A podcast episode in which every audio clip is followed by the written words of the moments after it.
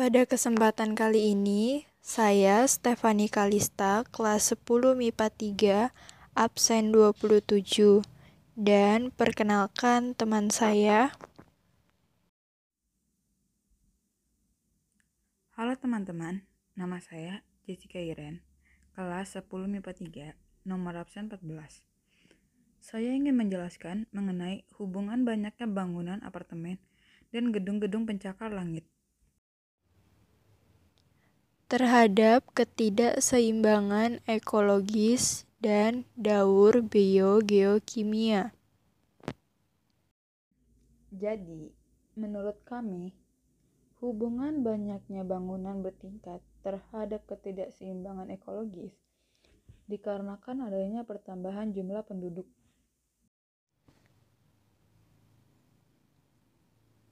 dari tahun ke tahun mengalami peningkatan yang cukup tinggi, sehingga membutuhkan ruang yang semakin besar untuk mewadahi berbagai aktivitas yang dilakukannya, mulai dari tempat untuk bekerja, sarana rekreasi, tempat untuk berbelanja, hingga tempat tinggal. Sehingga banyak pengusaha properti yang ingin membangun gedung-gedung bertingkat, seperti apartemen dan gedung pencakar langit. Hal itu juga berhubungan dengan daur biogeokimia. Daur biogeokimia sendiri merupakan salah satu siklus alam yang melibatkan aspek bio atau kehidupan, aspek geo atau bumi, dan kimia dalam proses perputaran siklus. Dalam hal ini, kami mengambil dua daur, yaitu daur karbon dan daur hidrogen.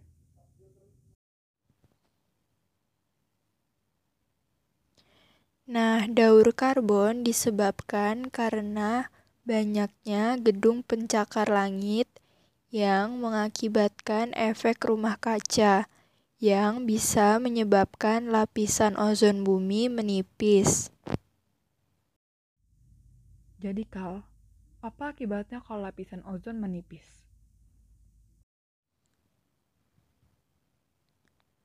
Akibatnya yaitu meningkatnya penyakit kanker kulit dan katarak pada manusia, merusak tanaman pangan tertentu, mempengaruhi plankton yang akan berakibat pada rantai makanan di laut, dan meningkatnya karbon dioksida. Lalu, selain menyebabkan lapisan ozon menipis, juga dapat menyebabkan penurunan tanah dan kurangnya asupan air karena pohon-pohon ditebang.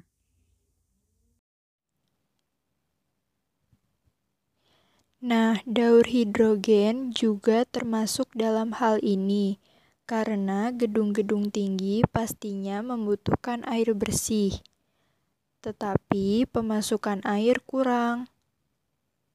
Kekurangan pemasukan air ini menyebabkan para pemilik gedung melakukan penyedotan air secara besar-besaran tanpa adanya pengawasan. Akibat dari perbuatan ini, penurunan permukaan tanah di Jakarta turun sebanyak 40%. Jadi, sebaiknya menurut kami, untuk mengurangi dampak menipisnya lapisan ozon, kita perlu mengurangi penggunaan kendaraan pribadi dengan menggunakan kendaraan umum ataupun kendaraan ramah lingkungan. Selanjutnya, kita perlu menggunakan pendingin ruangan atau AC sesuai dengan kebutuhan dan tidak berlebihan.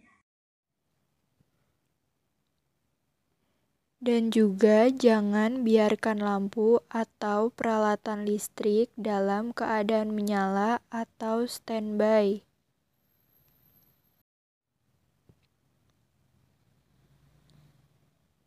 Lalu, untuk mengatasi pertumbuhan penduduk yang tinggi, yaitu mencanangkan program keluarga berencana atau KB.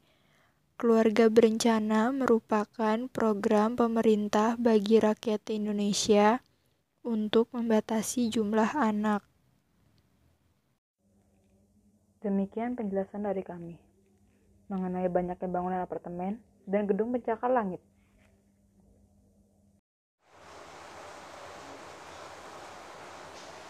Oh iya, sebelum itu kami ingin membacakan sumber yang kami dapatkan, yaitu www.rancah.com garis miring banyaknya gedung-gedung pencakar langit.